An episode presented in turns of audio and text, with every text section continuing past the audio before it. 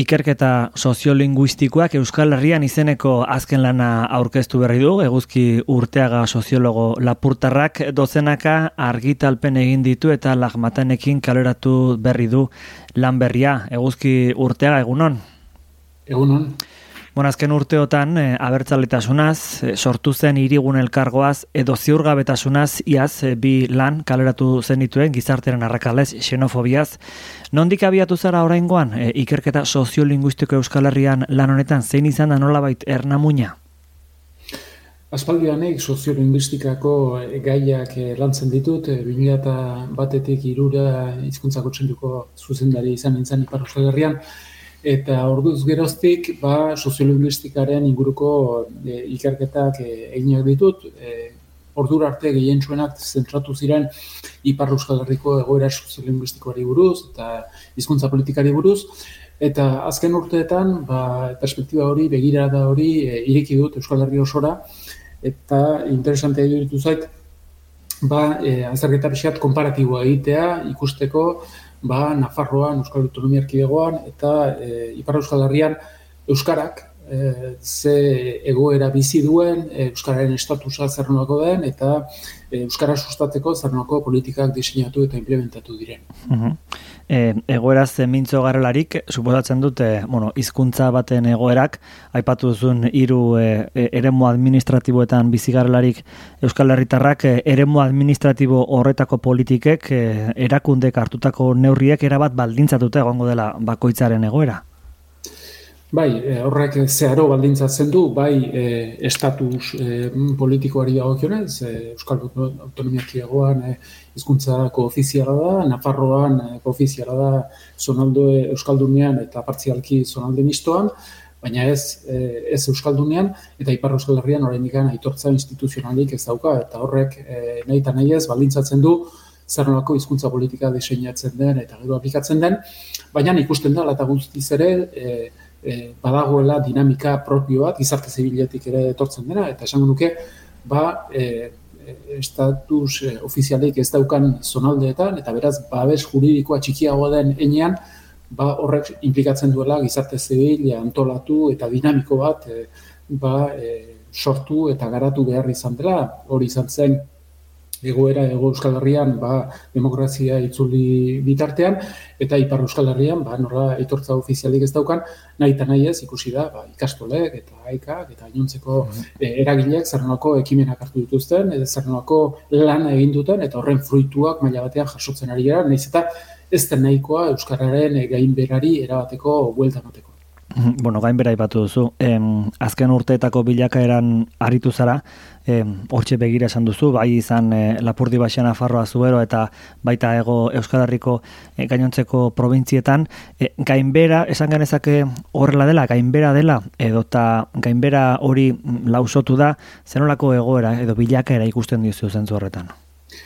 Orduan ikusten badugu, ego Euskal Herrian eta konkretuki Euskal Autonomia Erkidegoan hor e, berreskurapen prozesu bat ikusten da, eta hori nabaria da e, izkuntza baitasunari dagokionez, erabilerari e, dagokionez, ez eta proportzio txikiago batean izan, eta ego Euskal Herriaren kasuan ikusi da, irureun mila Euskal Iztun e, irabazi direla, laroi garren amarkadaz geroztik, eta horietarik berreun mila lotua daude ezkuntza sistemari, beraz ikusten ari gara, ba, Euskal Autonomia Erkidegoan, beraz eskuratze prozesu hori e, nabaria dela, eta nabariagoa izango litzateke, e, belaunaldi berriak jendetsuagoak izango balira, zeren proportzionalki horrek albidetuko luke, ba, Euskal Iztunen proportzioa e, eta kopurua onditzea, ez? Baina dinamika, zentzu horretan esan duke Euskal Autonomia Erkiagoan e, baikorra dela. Nafarroan egoera kontrastatu hau da, ikusten ari gera alata guztiz ere, ba, estabilizatu ostean ba, berreskurapen txiki bat e, gertatzen ari dela, eta Iparra Euskal Herriari dagokionez, esan duke,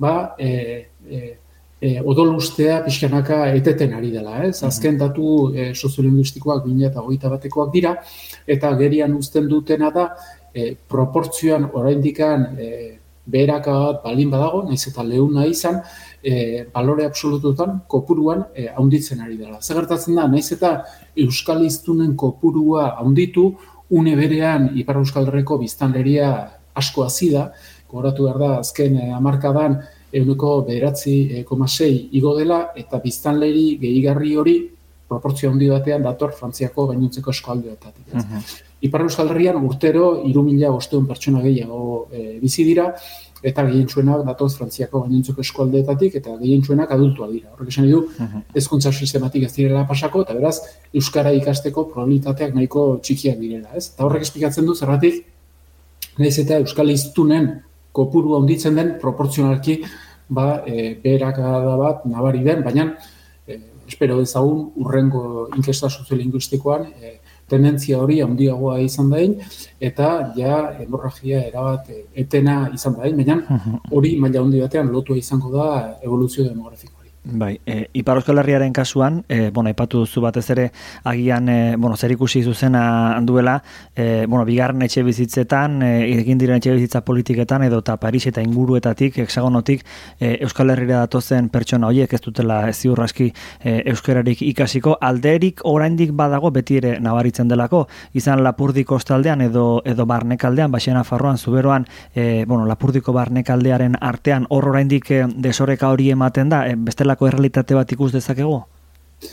Orduan, tendentziak ikusten baditugu, e, agerien uzten dute, e, lehen aipatu dut, urtero, iru mila eta iru mila bosteun pertsona gehiago, gehiago datoz, baina kontua da, hoietariko gehien txuenak kostaldean gozentratzen direla.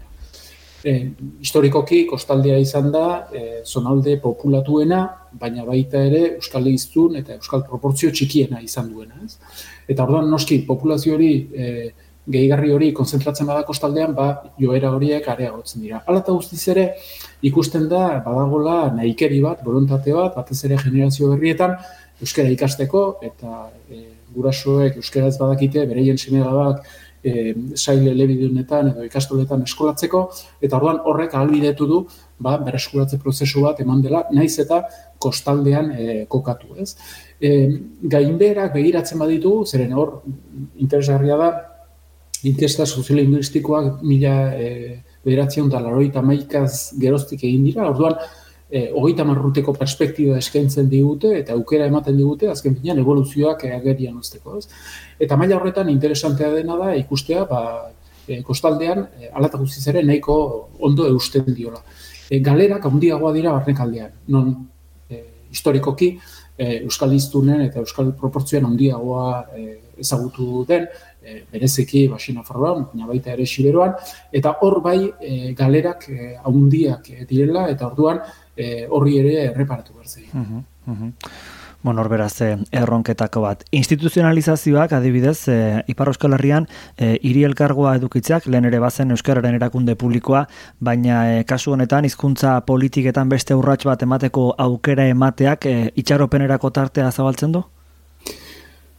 Euskal Elkargoa sortu zenean e, 2008an e, erabaki politiko eta simboliko indartsuak hartu zituen. Lehena izan zen, e, Euskararen erakunde publikoan ba, e, herrien e, ordezkaritza hartzea, eta e, horrekin batera bere aurrekontua euneko bederatzitik euneko goita bostera pasatzea. Eh? Eta orduan, e, hor erabaki presupuestario eta politiko indartsu bat hartu zen, eta helburua zen ba estatuaren eskualdearen edo erregiaren maila berean e, kokatzea. Horrekin batera e, osatu zen e, hizkuntza politika propio bat. Eta orduan hor politika sektorialen artean ba garrantzi berezi bat eman zitzaion hizkuntza politikari. Eta gero hirugarren erabaki esanguratsua izan zen ba e, aitortzea e, euskara dela e, e, ipar euskal herriko hizkuntza, eh? Hizkuntza propio.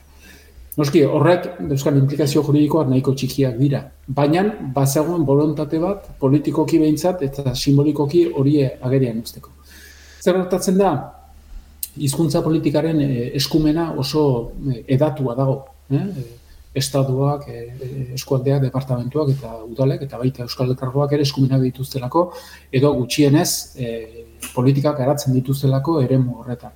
Eta horrek guztien da, nahikeri eta borontate diferenteak daudela. Hor, e, badago e, borontate argi bat administrazio lokalei dagokionez, baina une berean ikusten ari gera 2017az geroztik Macron presidente izan zenetik, ba e, jarrera ez dela baikorra izan eta e, jarre, batez ere ba, irakas, irakasle postuak sortzerakoan edo sekzio lebedunak sortzerako orduan edo goratu dezagun uh molak legea onartu zelarik e, frantses gobernuaren voluntatearen kontra errekursoa ba, ezkuntza ministroak berak jarri zuela. Eta bai. horren ondorioz, ba, lege horren bi artikulu esanguratsu bertan bera utzi zituela uzidi konstituzionalak. Eta bietariko bat zen, murgiltze eredua baimentzen zuena. Beraz, etzen kontu makala. Baina, ala eta guztiz ere, Ipar Euskal Herriari kerez, badago edostasun zabal bat, e, klase politikoan eta eragile sozialei dago esateko, ba, Euskara sustatu eta bultzatu beharra daola. Uh -huh. Gero gertatzen dena da, ba, diskurtsuetatik ekintzera pasatzea batutan koste egiten zaiela. Mm Hori da, hori uste dut politika gaintzan e, leku guztietan gertatzen den gauza bat eh, izaten dela. jarri dugu fokoa batez ere e, Ipar Euskal Herriko e, iru provintzia hauetan, e, Ego Euskal Herri dagokion zatikatuta izanik ere, e, bueno, Euskal Autonomia Erkidegoan esan dezakegu hezkuntza arlotik lan handia egin dela, e, naiz eta gaur egun e, askok eragile askok dioten hezkuntzak berak ere derrigorrezko bigarren hezkuntzatik ateratzerakoan ez dela bermatzen e, ba, ikasle batek euskara euskara jakitea. Beti hor dago balatza, ezta? Ari gara eta erakundetatik hitz egiten da asko, e, jakintza e, igo dela, geroz eta jende gehiago dakiela, e, erabileran dagoela gakoa, baina beti bi gauza horiek e, ikusten ditugu. E, jakintza hori ez dakit zenbateraino e, bermatzen ote den kasu honetan hezkuntza arlotik. Orduan, hor, e, kapitulo bat dedikatzen diote gai horri, eta oinarritzen naiz besteak beste, ba, Euskal berak egin dituen ebaloketa e, diagnostikoetan, eta hor oso modu nabarian agertzen da, e, azken, e, goita marruteetan lortu dela hezkuntza sistemari dagokionez, kontutan izanik, geroz eta ikasle gehiago D ereduan eta maila txikiago batean B ereduan matrikulatuta daudela, eta gero eta gazteagoa izan, eta proportzio hori gero eta handiagoa da. Beraz, horrek garantia batzuk ematen dizkigu, belaunaldi berriak aurrekoak baino euskaldunagoak e, izatearenak, ez? Zer gertatzen da, hori egia den une berean ikusten da, ba, baita D ereduan matrikulatuta dauden ikasleek ere, ez dutela nahi eta nahi ez, ba, Euskara maila e, nahikoa e, lortzen. Eta horrek eh, hainbat eh, esplikazio dauzka.